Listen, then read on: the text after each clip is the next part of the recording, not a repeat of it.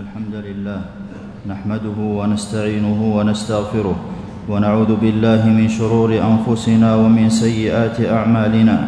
من يهده الله فلا مضل له ومن يضلل فلا هادي له. وأشهد أن لا إله إلا الله وحده لا شريك له وأشهد أن محمدا عبده ورسوله. صلى الله عليه وعلى آله وأصحابه وسلم تسليما كثيرا. أما بعد فاتقوا الله عباد الله حق التقوى. فالتقوى أجمل ما أظهرتم وأكرم ما أسررتم.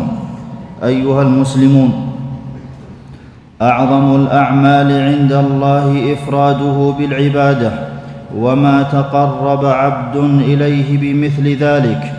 وأفضل الطاعات بعد التوحيد الركن الثاني من الإسلام. فيه ذكر لله وتعظيم وذل وخضوع. سماه الله إيمانا فقال وما كان الله ليضيع إيمانكم. هي عمود الإسلام وأول نعت للمتقين في كتاب الله بعد الإيمان بالغيب. وقرة عين النبي صلى الله عليه وسلم وبها كان يبعث دعاته إلى الأمصار. قال عليه الصلاة والسلام لمعاذ رضي الله عنه فليكن أول ما تدعوهم إليه عبادة الله عز وجل فإذا عرفوا الله فأخبرهم أن الله فرض عليهم خمس صلوات في يومهم وليلتهم. متفق عليه. وكان النبي صلى الله عليه وسلم أول ما يشترط بعد التوحيد إقامة الصلاة لأنها رأس العبادات العبادات البدنية ووصيته لأمته آخر حياته الصلاة الصلاة وما ملكت أيمانكم. رواه أحمد. من كملها كان قائما بدينه. ومن ضيعها كان لما سواها اضيع هي أمان للمشركين فان تابوا واقاموا الصلاه واتوا الزكاه فخلوا سبيلهم وعصمه للدماء والاموال قال عليه الصلاه والسلام امرت ان اقاتل الناس حتى يشهدوا ان لا اله الا الله وان محمدا رسول الله ويقيموا الصلاة ويؤتوا الزكاة فإذا فعلوا ذلك عصموا مني دماءهم وأموالهم إلا بحق الإسلام وحسابهم على الله رواه البخاري. وموجبة للأخوة في الدين فإن تابوا وأقاموا الصلاة وآتوا الزكاة فإخوانكم في الدين. ولعظيم قدرها ومباينتها لسائر الأعمال أوجبها الله على أنبيائه ورسله فأوحى إلى إبراهيم وإسحاق ويعقوب عليهم السلام بإقامتها فقال وأوحينا إليهم فعل الخيرات وإقام الصلاة وإيتاء الزكاة. وإبراهيم عليه السلام دعا ربه أن تكون ذريته من مقيم الصلاة وأثنى الله على إسماعيل عليه السلام لاهتمامها باهتمامه بها فقال وكان يأمر أهله بالصلاة والزكاة وكان عند ربه مرضيا. وأول ما فرض الله على موسى بعد توحيده إقامة الصلاة فكلمه بهما من غير واسطة. إنني أنا الله لا إله إلا أنا فاعبدني وأقم الصلاة لذكري. وبذلك أوحى الله إلى موسى وهارون عليهما السلام أن يامرا قومهما بها. وأوحينا إلى موسى وأخيه أن تبوأ لقومكما بمصر بيوتا واجعلوا بيوتكم قبلة وأقيموا الصلاة. وكان زكريا عليه السلام مداوما لها فنادته الملائكة وهو قائم يصلي في المحراب. وداود عليه السلام كان محبا للصلاة فيقوم ثلث ليله بها. ولما رأى قوم شعيب نبيهم يدعوهم إلى التوحيد ويعظم الصلاة قالوا له أصلاتك تأمرك أن نترك ما يعبد آباؤنا أو أو أو أو, أو أن نفعل في أموالنا ما نشاء؟ وتكلم بها عيسى عليه السلام وهو في المهد وأوصاني بالصلاة والزكاة ما دمت حيا. وأثنى الله على الأنبياء عليهم السلام فقال إذا تتلى عليهم آيات الرحمن خروا سجدا وبكيا وأخذ على بني إسرائيل الميثاق بأدائها ولقد أخذ الله ميثاق بني إسرائيل وبعثنا منهم اثني عشر نقيبا وقال الله إني معكم لئن أقمتم الصلاة. ووصى بها لقمان ابنه فقال يا بني أقم الصلاة.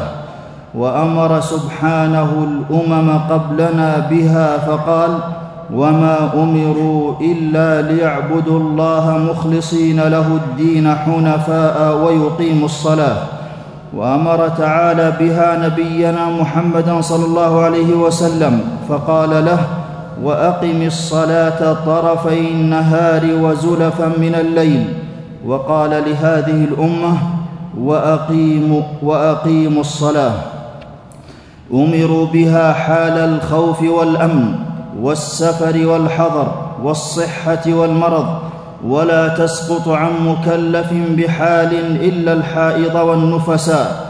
ويؤمر الصبي بفعلها لسبع ويضرب عليها من بلغ عشر سنين وكان عليه الصلاة والسلام يكره النوم قبل العشاء لئلا ينام عنها ويكره الحديث بعدها لئلا يثقل السهر عنها.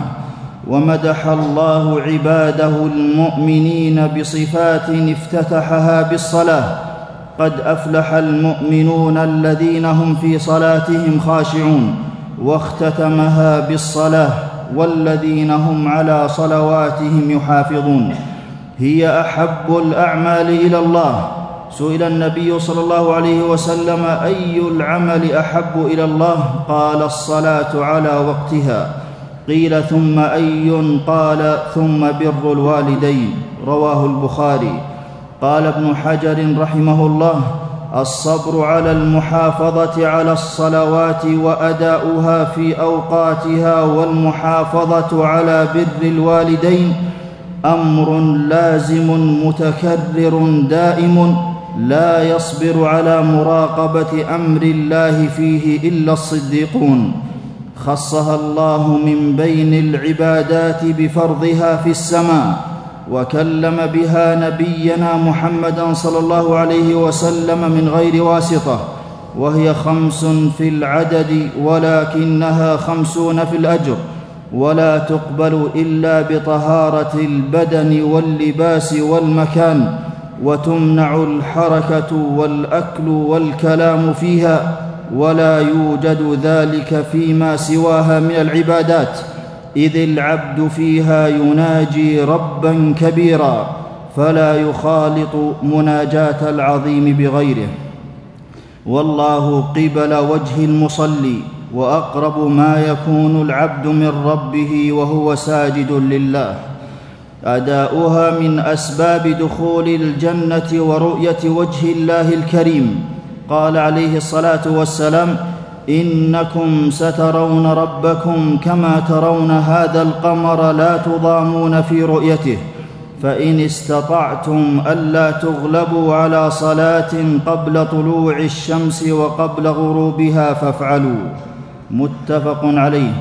قال ابن رجب رحمه الله أعلى ما في الجنة رؤية الله وأشرف ما في الدنيا من الأعمال هاتان الصلاة هاتان الصلاتان أي الفجر والعصر.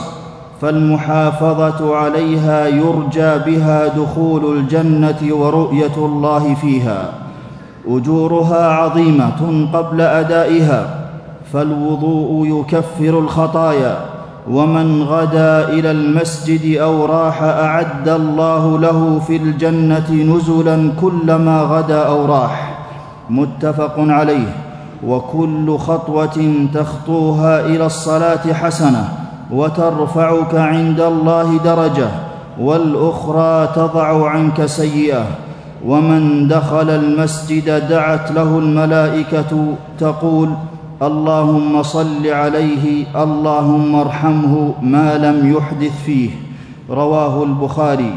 ومع دعائها للمنتظر لها يكتب في صلاة ما انتظر الصلاة. وفي أثناء الصلاة يتعرض لنفحات المغفرة. من وافق تأمينه تأمين الملائكة غفر له ما تقدم من ذنبه. رواه البخاري. وذكر بعد أدائها يحط الأوزار.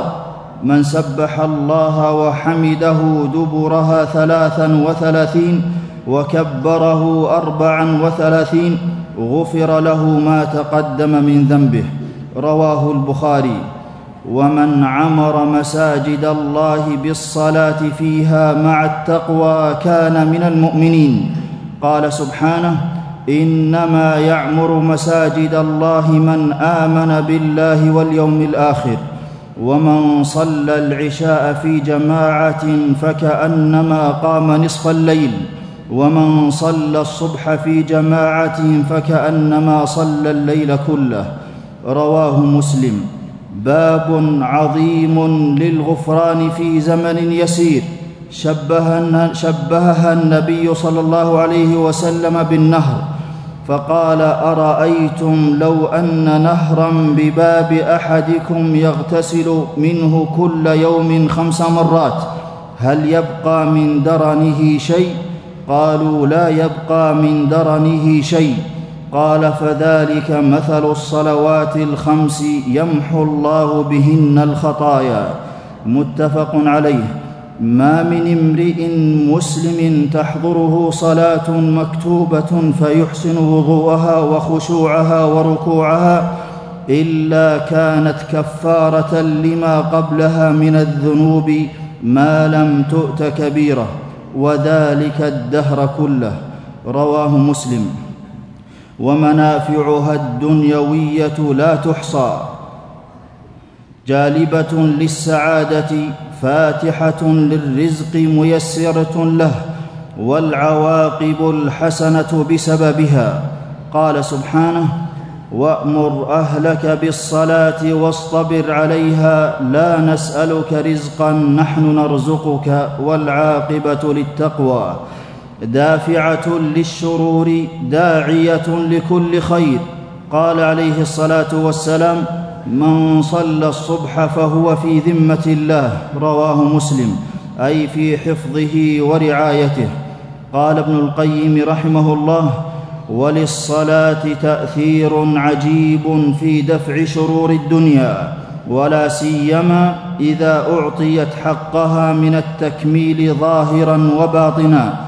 فما استدفعت شرور الدنيا والآخرة ولا استجلبت مصالحهما بمثل الصلاة. قال ولها تأثير عجيب في حفظ صحة البدن والقلب وقواهما ودفع المواد الرديئة عنهما. وما ابتلي رجلان بعاهة أو داء أو محنة أو بلية إلا كان حظ المصلي منهما أقل وعاقبته أسلم. وما رفع بلاء بمثل توحيد الله والصلاة. نجى الله يونس عليه السلام من بطن الحوت بالصلاة فلولا أنه كان من المسبحين أي من المصلين للبث في بطنه إلى يوم يبعثون. وفتن سليمان عليه السلام فلم يجد لتوبته مفزعا مع الاستغفار إلا الصلاة فاستغفر ربه وخر راكعا وأناب. ولما أراد الله أن يبتلي مريم عليها السلام بإنجاب ولد من غير زوج أمرها بالصلاة ليهون عليها الأمر. يا مريم اقنتي لربك واسجدي واركعي مع الراكعين. وكان عليه الصلاة, عليه الصلاة والسلام إذا حزبه أمر فزع إلى الصلاة. وأمر الله المؤمنين أن يستعينوا بها في كل أحوالهم.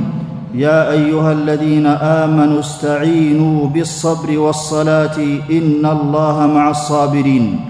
نفزع إلى, نفزع إلى الله بصلاة الاستخارة وعند تغير مسار الكون نلجأ إلى الله بصلاة الكسوف وفي الفرح نسجد لله شكرا على ما وهب وكان النبي صلى الله عليه وسلم أعظم باب له في الشكر الصلاة فكان إذا صلى قام حتى تتفطر قدماه.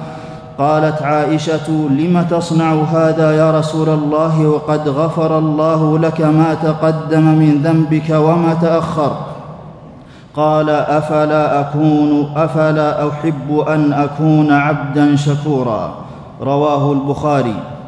وفي الآخرة تتقدم سائر الأعمال وتكون أول ما يحاسب عليه العبد يوم القيامة.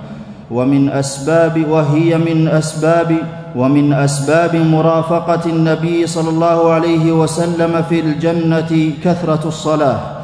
جاء رجل إلى النبي صلى الله عليه وسلم فقال أسألك مرافقتك في الجنة. قال أعني على نفسك بكثرة السجود. رواه مسلم. والمؤمنون يتميزون يوم القيامة عن المنافقين بالسجود فإذا رأى المؤمنون ربهم خروا له سجدا وإذا دعي المنافقون إلى السجود لم يستطيعوا عقوبة لهم. قال سبحانه يوم يكشف عن ساق ويدعون إلى السجود فلا يستطيعون. وإذا دخل المسلم النار بذنوب استحقها لم تمس النار مواضع سجوده. فرض عظيم جعلها سبحانه علامة بين الكفر والإيمان. قال عليه الصلاة والسلام بين الرجل وبين الشرك والكفر ترك الصلاة. رواه مسلم.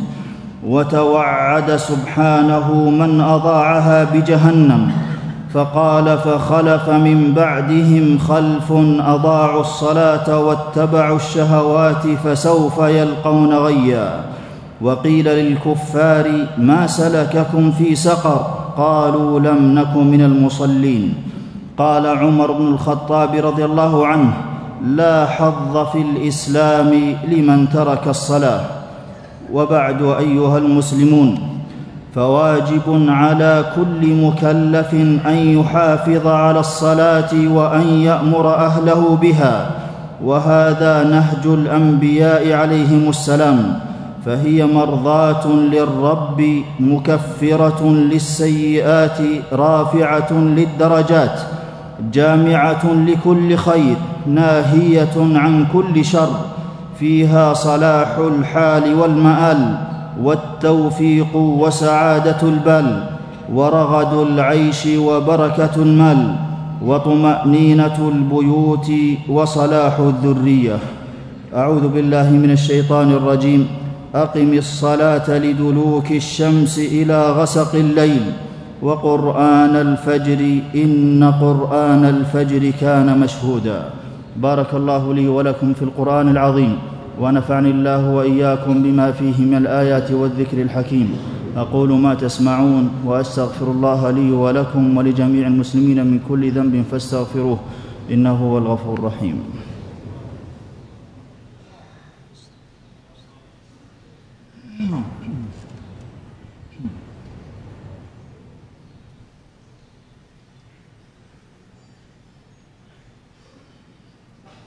الحمد لله على إحسانه والشكر له على توفيقه وامتنانه وأشهد أن لا إله إلا الله وحده لا شريك له تعظيما لشانه وأشهد أن نبينا محمدا عبده ورسوله صلى الله عليه وعلى آله وصحبه وسلم تسليما مزيدا. أيها المسلمون أوجب الله على الرجال أداء الصلاة جماعة في المساجد قال سبحانه واركعوا مع الراكعين. والنبي صلى الله عليه وسلم هم بتحريق بيوت المتخلفين عن صلاة الجماعة فقال إن أثقل صلاة على المنافقين صلاة العشاء وصلاة الفجر ولو يعلمون ما فيهما لأتوهما ولو حبوا ولقد هممت أن آمر بالصلاة فتقام ثم آمر رجلا فيصلي بالناس ثم انطلق معي برجال معهم حزم من حطب إلى قوم لا يشهدون الصلاة فأحرق عليهم بيوتهم بالنار. رواه مسلم. ولم يرخص النبي صلى الله عليه وسلم لرجل أعمى لا قائد له بالتخلف عن صلاة الجماعة بل قال له هل تسمع النداء بالصلاة؟ قال نعم قال فأجب. رواه مسلم. فالبدار البدار إلى صلاة الجماعة فهي نور الوجه ودليل الإيمان وبها انشراح الصدر وعلو الشأن. ثم اعلموا أن الله أمركم بالصلاة والسلام على نبيه. فقال في محكم التنزيل إن الله وملائكته يصلون على النبي. يا أيها الذين آمنوا صلوا عليه وسلموا تسليما. اللهم صل وسلم على نبينا محمد. وارض اللهم عن خلفائه الراشدين الذين قضوا بالحق وبه كانوا يعدلون. أبي بكر وعمر وعثمان وعلي وعن سائر الصحابة أجمعين وعنا معهم بجودك وكرمك يا أكرم الأكرمين. اللهم اعز الإسلام والمسلمين واذل الشرك والمشركين ودمر أعداء الدين واجعل اللهم هذا البلد آمنا مطمئنا رخاء وسائر بلاد المسلمين. اللهم أصلح أحوال المسلمين في كل مكان. اللهم ول عليهم خيارهم واكفهم شر شرارهم. اللهم احقن دماء المسلمين في كل مكان. اللهم انصر المجاهدين الذين يجاهدون في سبيلك. اللهم كن لهم وليا ونصيرا ومعينا وظهيرا. اللهم علي اللهم عليك بمن بغى عليهم. اللهم اقتلهم بددا وأحصهم عددا. ولا تغادر منهم أحدا. يا ذا الجلال والإكرام. اللهم أنت الله لا إله إلا أنت. أنت الغني ونحن الفقراء. أنزل علينا الغيث ولا تجعلنا من القانطين.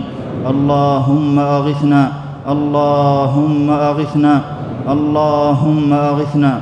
ربنا ظلمنا أنفسنا وإن لم تغفر لنا وترحمنا لنكونن من الخاسرين. اللهم وفق إمامنا لهداك واجعل عمله في رضاك. ووفق جميع ولاة أمور المسلمين للعمل بكتابك وتحكيم شرعك يا رب العالمين.